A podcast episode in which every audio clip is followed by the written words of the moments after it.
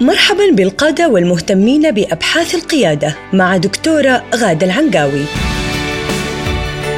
حيث تقدم لكم أبعاد القيادة المتعددة للمنظمات وفرق العمل. وتلتقي بكم كل أسبوع في لقاء شيق لطرح مفاهيم حديثة تثري رحلتكم القيادية.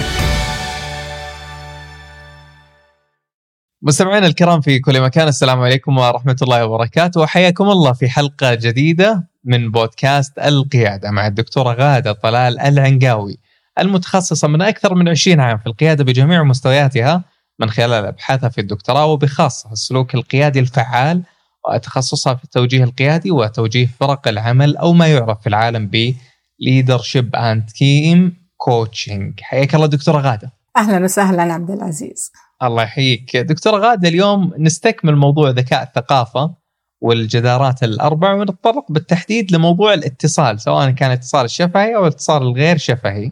نعم. حدثينا بداية دكتورة لماذا يعني الموضوع الاتصال مختلف عن القيم السبعة وعن الجدارات الثلاثة نعم. اللي ذكرتيها في الحلقة الماضية. هو طبعا موضوع الاتصال يدخل آه، بشكل آه، كامل في ال- القيم السبعة لأنه أحد أهم القيم اللي هي قيمة ال- الاتصال المشحون والاتصال المباشر. الاتصال المباشر آه، وتكلمنا عنه قبل كده اللي أنت مباشرة بتقول اللي في رأيك وبتعبر عن نفسك بوضوح وتوقعاتك. وهذا آه، يغلب في الثقافة الأنجلو ساكسونية ما في عندهم في الموضوع ده لعب. خلاص آه، ما عجبني الديل ما عجبني يلا نقفل اليوم الشغل ونمشي. لا عجبني أنا عجبني. لا أنا شايف إنك أنت غلط أنا شايف إنك أنت غلط. ولكن إحنا في العالم العربي عندنا ثقافة ال- السياق المشحون ال- الغير مباشر. مشحون بالإشارات وتكلمنا عن هذا الشيء قبل كده إن إحنا آه، كعرب آه، نحب إن إحنا آه، نعمل إشارات جسمية وصوتية ولها علاقة بالمظهر وبالمكان وترسل رسائل معينة شئنا أم أبينا للطرف الآخر وهو يقراها عاد بكيفه. عرفت كيف؟ يفهمها. إذا ما يعرف كيف يفهمها يتعلم. لكن أنا ما حقول له إنه أنا مو مرتاح معاه هو لازم يفهم الكلام ده من السياق؟ ويقول يعني بعدين ينزعج الشخص يقول مثلا الأم تقول والله غمست للبنت في المجلس بس هي يعني بعدين تكبر الزعلة. اي تكبر و- وما تقول لها. إيه. وما تقول إيش مضايقة منها تتركها هي to figure it out تجلس ساكتة أيام. تجلس ساكتة. صح. والبنت محتارة ليش أمي زعلانة. ت- تتعلم البنت هذا السلوك مع مرور الأيام وتصير هي لما تزعل تقفل الباب طرق عرفت كيف؟ ويلا أنتوا فهموها بقى. أنا زعلانة ولا مو زعلانة؟ وراضوني كمان. صح. فهنا تيجي هذه بس هي. جزء من الثقافة. كيف تتغير؟ زي ما قلت لك المرة اللي راحت في الحلقة السابقة تحتاج إلى جهد آه، جبار وهي جالسة تتغير بعض الأشياء الآن ب- ل- لأن إحنا الثقافات العليا يعني إحنا عندنا الآن الثقافة العليا هي الثقافة الانجلو ساكسونيه آه،.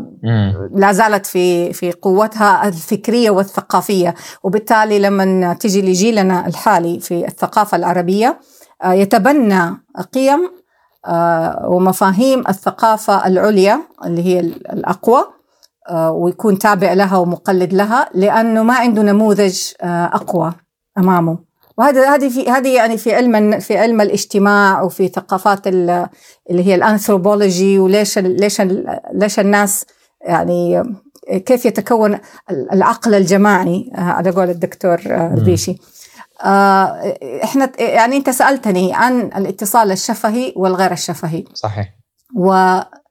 وركزنا إحنا في الحلقات في الجدارات الثلاثة على آه، ما يحتاج عليه القائد أو العضو في أي فريق عمل أو تنظيم أو مجتمع لينجح عبر الثقافات في عمله وهذا هو هدفنا الأساسي ويصعد بأدائه. ولعلنا نذكر أيضا بأنه ما نتحدث عنه ليس له فقط علاقة بالأجنبي آه، اللي يعيش في بلدي حتى أستطيع أن أفهمه وأساعده إنه هو يؤدي أداء أفضل. وهذا هذا هدف أنا بجيبه من بلد لبلد وبخسر عليه وبدفع له راتب أبغاه ينجح. فلازم اذا أتعامل مع ثقافته الخاصة بي وهو كيف يتواصل حتى أستطيع أن أحصل على أفضل النتائج منه. ولكن هذا الموضوع أيضا مهم لنا إحنا كشعب آه، آه، خليجي عربي سعودي آه، عندنا كثير من المبتعثين في ثقافات مختلفة عبر العالم. وتخصصات مهنية وكل تخصص مهني له ثقافة وخرجنا للعالم وعشنا هناك. وبدنا نختلط ورجعوا أبنائنا من الابتعاث ومعهم ثقافات جديدة ورجعوا مختلفين عن آه، الشكل اللي كانوا فيه آه، لما مشيوا آه، عاشوا هناك خمسة ستة سبعة ثمانية عشر سنوات أحيانا إذا أنت طبيب. وبالتالي دخول عناصر ثقافية جديدة على الثقافة الأساسية في المجتمع العربي الآن بتحدث نوع من ما أعرف بالتعبير الجيولوجي لما سطح الأرض كذا إيش يتحرك مم. طبقات الأرض تتحرك. وهذه بسبب صراعات بين الأجيال زي ما تكلمنا المرة اللي راحت. ولذلك مهم إن إحنا نتعلم القيم السبعة والثقافات العشرة. وكيف كل ثقافة تتميز بإيش من القيم. قبل ما نروح ندخل في ديك الثقافة ونعيش فيها عشان نعرف كيف نتعامل معاها ونستخرج أفضل ما لديها ونعلم الناس اللي إحنا عايشين معاهم من أهلنا وأسرنا الممتدة والجيل السابق كيف يتعاملوا معنا لأن إحنا أصبحنا الآن مختلفين عن أول آه، ولو عملت تقييم ذكاء ثقافة لشخص مبتعث وشخص غير مبتعث حتلاقي إن المبتعث اكتسب من الثقافة الخارجية سمات آه، ظهرت في التقييم. ترى التقييم ما هو يعني سهل سؤال ولا سؤالين. أنت تجلس تعمل 60 70 سؤال وفي الأخير بتمر هذه الأسئلة بفلاتر معينة بيصير لها بنش ماركينج مقابل مئة ألف مية وخمسين ألف عينة عبر العالم. وبعدين يطلع الثقافة حقتك إيش هي. آه، ما يطلع ثقافة بمسمى ولكن تطلع القيم السبعة بدرجات مختلفة.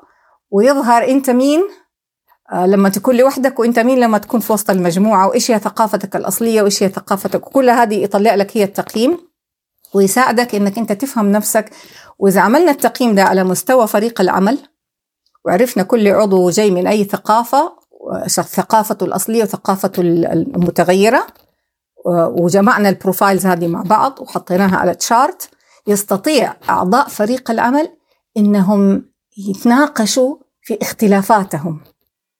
وفي طريقة التواصل. يعني أنا نفذت التمرين ده مع فريق عمل و 90 دقيقة من الحوار العجيب اللي أثر على اتخاذ القرارات على الاجتماعات على طرق التواصل الشخصي بين بينهم. هم كانوا فريق قيادي. وجلسوا يعني هذا يطالع في ده يقول له أنا ما كنت أنا كنت أظنك كذا بس هذه ثقافتك. أنت أنت هذا الأوريجن حقك. أنت جاي من هذه البلد وأنتوا في هذه البلد بتتكلموا بهذه الطريقة. قال إيه وإحنا كده هذه طريقتنا. وأنا كنت بحاول أفهمكم بس مو أعرف إيش اللغة اللي أستخدمها.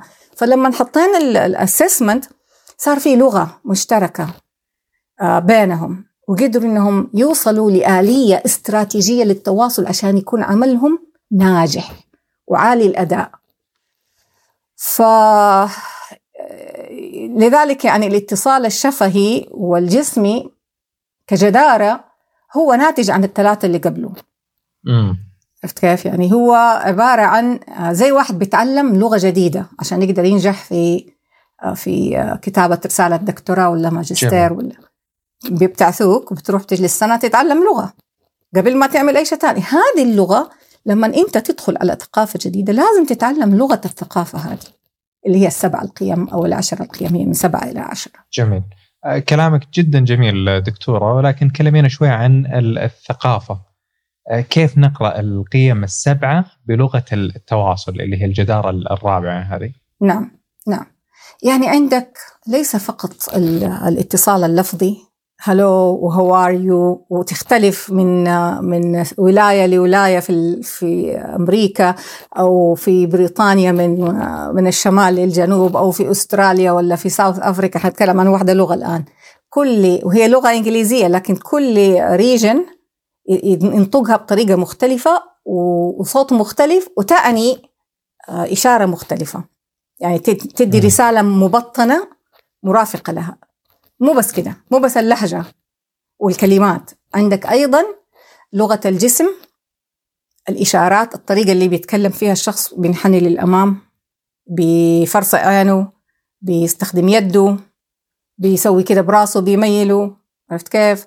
عندك أيضا السياق اللي هو جالس فيه آه، التحف الرسومات آه، طريقة توزيع الأثاث لبسه وطريقة مشيته. تسريحته لشعره. آه إذا في شعر إذا ما في شعر إذا ربى لحية ما ربى لحية. كلها هذه إشارات تعطيك قراءة معينة لهذا الشخص والثقافة اللي هو فيها. طبعا الأسهل أنك تعمل تاخذ التقييم وتفهمه على طول بس مو في كل مرة أنت تقدر يعني مع فريق العمل تقدر تعمل تقييم. لكن مع الناس الأجانب اللي ما تعرفهم وتقابلهم لأول مرة أنت لابد يكون عندك ذكاء يمكنك من قراءة ثقافة الشخص ده من الاتصال. أو عدم الاتصال الصمت. فالموضوع ليس فقط بالسهل. أنت تدخل بيت شخص طيب معزوم عند شخص قال لك تعال تعال نتقابل اليوم تعالي على البيت. أول ما تدخل تشم ريحة البخور وريحة القهوة وتسمع صوت الصحون في المطبخ وتشوف المجلس نظيف يشرح الصدر وتجلس والضيف يرحب فيك والجلسة حلوة. أنت تستنتج إنه هذه حتكون لقاء رائع. على طول. وهذا إنسان بيرحب فيا مقدمات. و... هذه وهو لسه مقدمات. لا والباب مفتوح حق البيت يعني مسيب لك هو مفتوح. يعني أهلا وسهلا. إذا جيت أدخل على طول. السياق هذا بديك قراءات مختلفة. قبل حتى هو ما يتكلم ويقول لك عليكم السلام أهلا وسهلا. ولما تروح لشخص آخر والبيت مظلم والباب تاخذ وقت تدق الجرس لين أحد يرد. طيب وبعدين يفتح لك الباب وهو في توب البيت ولا في ريحة قهوة والدنيا ظلام جوا واقف قدام الباب سادد بجسمه. يعني بيقول لك لا تدخل أنا ما أبغاك اليوم تجي. أنت فين طلعت لي؟ أنا مو في مزاج. طيب؟ فإذا هذه السياقات تديك قراءة. أنت على طول لما تشوف الشخص واقف كده وساد الباب ما حتصير تقول له أنا جاية اليوم أتكلم معك في موضوع. طيب كيف حالك؟ طيب أنا بس حبيت أشيك عليك وتمشي. عرفت كيف؟ نفس الشيء بالتليفون لما يرد عليك. اذا اذا إذا إذا الجرس شغال ولا مش شغال. الصوت نبرة الصوت لما شخص يرفع السماعة الطريقة اللي يرد فيها. على طول في قراءة صح. عندك داخلية. مزاج ومو مزاج ومنفتح للاتصال لا مشغول. آه يعني في أشياء كثير تساعدك إنك أنت تقرأ زي ما يقولوا إيش؟ المكتب. حق الرجل اللي تيجي أنت الآن تشتغل في شركة وتروح دخلت على زميلك مكتب وفوضى قشرة موز. كوب القهوة من الصباح جالس. إيش تستنتج عن هذا الإنسان وطريقة تعامله مع زي ما يقول نظامه اليومي آه، طريقة تواصله. ما هو ستراكشرد عنده فوضى. كيف؟ مخه يشتغل بطريقة مختلفة. وتبدأ هذا تحاول تعمل قراءة لكن واحد ثاني تدخل تلاقي مكتبه منظم. آه، كل شيء ويقدم لك على طول كوب شاي وانت جالس عنده ماكينة نسبريسو وراه وعلى طول يصب لك القهوة ويجلسك ويسمع منك. هنا يجي القراءات هذه المختلفة اللي تساعد الإنسان إنه هو يشتغل في بيئة العمل وينتج فيها. فهذه القراءات هي نفس القراءات اللي إحنا نستخدمها علشان نقرأ ثقافة جديدة. كيف نحس إن إحنا مرحب فينا في هذه الثقافة؟ جميل. طيب دكتورة هذا على مستوى البيئة. خلينا شوي نتكلم على مستوى الإشارات الجسمية نعم. أو لغة الجسد هل شعرت مرة وإنت في اجتماع آه وتبغى تنشئ شركة مع شخص بأنك ما تخرج من الاجتماع بأي نتيجة كل ما جلستوا تناقشوا العمل كل شيء تناقشوه إلا العمل م. القهوة ونوعها والجلسة في المكان والبلد والكوفيد وكل شيء إنجاب سيرته في هذاك الاجتماع اللي هو أصلا آه تعال نجتمع علشان نشوف كيف المشروع حقنا حيمشي. وآخر شيء آخر شيء في النهاية يقول لك طيب خلينا نشوفك تاني عشان نتكلم في الموضوع. صح تحصل. أنا في ناس يعني آه، أجانب أجانب أمريكان يعني جلست معاهم في دورات التدريب اللي هي لها علاقة بذكاء الثقافات وهم لهم مصالح في بلادنا. يبغوا يكملوا صفقات صفقاتهم استيراد تصدير إلى آخره. يشتكوا من هذا الشيء يقولوا إحنا نيجي نقعد في السعودية ولا في دول الخليج ونجلس شهرين أحيانا حتى نقدر نحصل على كلمة واحدة لها معنى في سياق مم. العمل. إيش القصة؟ فإحنا نقول لهم نقول لهم إحنا س... إحنا سياق آه، جماعي كولابراتيف ما نقدر ناخذ قرارات فردية حتى في الشركات العائلية لازم نقرأ الشخص ونكتسب عنه قراءة كاملة هو مين ونشوف تصرفاته وسلوكياته في البيت وفي البر ونعزمه على عشوات وغدوات ونناقش كل شيء إلا الموضوع اللي هو جاي علشانه. إحنا بالنسبة لنا هذه الابروتش تبعنا لبناء الثقة. وهو إذا قاعد على أعصابه ومو متحمل وقفل بعد ثلاثة أيام ولا أربعة وانتهت البادجت حقه آه، الميزانية معناته وإحنا نغض نظر على طول نشوف غيره عرفت كيف؟ ومن هنا تيجي القراءة المهمة للأجنبي إنه لما يجي يبغى يعمل شغل في بلدنا لابد يكون عنده بادجت حق ثلاثة شهور مو حق ثلاثة أيام ويعمل حسابه إنه هو هذه الطريقة الوحيدة اللي حيحصل فيها على التعاقد حيحصل فيه على الثقة في هذا المجتمع وعلى طبعا الأمور بتتغير الآن وزي ما قلت لك في شفت ساير في الثقافة وفي جيل جديد يعرف كيف يتعامل مع الأجنبي و... وما يبغى يخسره وبيجيب المحامين وعلى طول بيقفلوا. لكن لا يعني هذا إنه هذا الجيل هو السائد. لا زلنا إحنا في ثقافة الجيل السابق. الجيل السابق آه، يفضل يتجنب إنه هو يوقع أي عقود قبل ما يكتسب الثقة حقت الشخص هذا آه، أو هو يثق فيه. ولذلك يعني آه، نجي لموضوع لغة التواصل. مهمة جدا لنجاح الأعمال لنجاح الاجتماعات لإغلاق الصفقات. ومهم إحنا كمان ما نخسر الشخص. يعني إذا إحنا لنا حاجة عند هذا الأجنبي ونبغى نكسبه كمان إحنا لازم نراعي إنه هو إنسان يعني الوقت بالنسبة له هذا يعني فلوس. كل دقيقة يمضيها معانا هي بمئات الدولارات. فلا بد إن إحنا نكون كمان كونسيدريت ما مرة نمطها ونزيدها. ونكون إحنا صريحين أكثر لأنه هو يقدر الصراحة ويبغى الصراحة. طبعا لما تيجي تتعامل مع الصيني آه، اللي جاي من إيجا آه، اللغة حتختلف تماما. هذاك لا يمكن ياخذ قرار من غير ما يرجع للمجموعة وبالتالي أنت لازم تخاطب بلغة المجموعة وتعطي اعتبار للمجموعة وفي نفس الوقت هذاك غير صريح في مشاعره ولا توقعاته وبالتالي تحتاج وقت أطول معاه. ولكن الصيني عنده ذكاء ثقافات قوي. وهذه الأشياء اللي بتكلم عنها بيدرسوها هناك الآن في في عالم الأعمال وبيدربوا عليها الناس. فالصيني الآن تعلم كيف يتكلم بجرأة ويخرج من قوقعته. لكن هذا لا يعني إنه كل صيني حتقابله حيكون بهذا الذكاء. ولذلك آه، يعني آه، أنا أنا كل رجائي إنك أنت تخطط لاتصالك تضع استراتيجية وتفهم اللغة المنطوقة ويكون عندك vocabulary آه، كافي عشان عشان تعرف إيش هي الإشارات اللي جاية مع اللغة. يعني لما واحد صيني يرحب بك ولا ياباني ويرخي راسه كده هل هو بيعبدك؟ لا هو بيحترمك بيحترم العلاقة هذه فبيقدم الاحترام فتيجي أنت تعمل نفس الحركة وترخي راسك وتسوي نفس الإشارة ليه؟ لأنه كده هو تكسب تكسب قلبه وتكسب نعم. ثقته إنك أنت يعني ويلينج منفتح للتعامل معه وإذا جاء الأمريكي يتكلم معك تكون آه، يعني آه، تتماشى مع لغته. إذا مزح تمزح إذا ضحك تضحك. آه، إذا عبر عن نفسه تعبر أنت عن نفسك. تختار الشيء تخترق شوية الخصوصية تبعتك وتنفتح أكثر حتى تكسب ثقته حتى يبدأ يحس إنه هو ما بيضيع وقته معك. تحترم المواعيد. حاول تحترم المواعيد. وطبعا الكلام يطول ما حنعطي دورة تدريبية في الثقافات الآن. ولكن هذا تقريبا خلاصة آه، آه، الموضوع. جميل. خلينا نختم معك دكتورة بما أنه المستمعين يعني تقريبا كلهم عرب أو على الأقل آه، يعني متحدثين باللغة العربية. خلينا نتكلم شوي عن الثقافة العربية. هل هي بشكل عام تعتبر عالية على مستوى ذكاء الثقافات؟ هل يوجد أساسا شيء عالي وشيء منخفض؟ كلمينا شوي عن عن العرب و... كعقل جماعي نعم.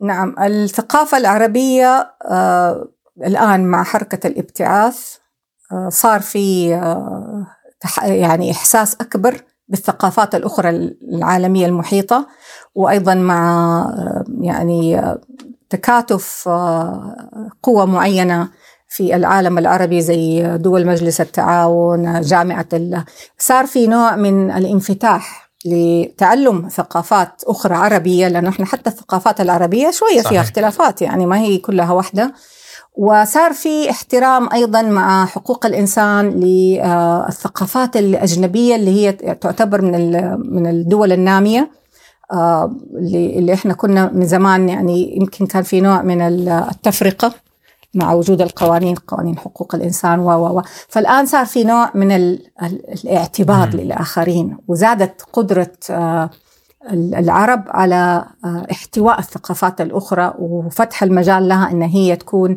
متواجدة معنا بسلام وبأمان وهذا يمكن الهدف الأساسي من العملية كلها أن إحنا نكون آه، نسعى إلى مصلحة الإنسانية عموما لأن إحنا نعيش في كرة أرضية واحدة والرسول صلى الله عليه وسلم ربنا أرسله رحمة للعالمين. وهو قال اللهم صل وسلم عليه إنما بعثت لأتمم مكارم الأخلاق.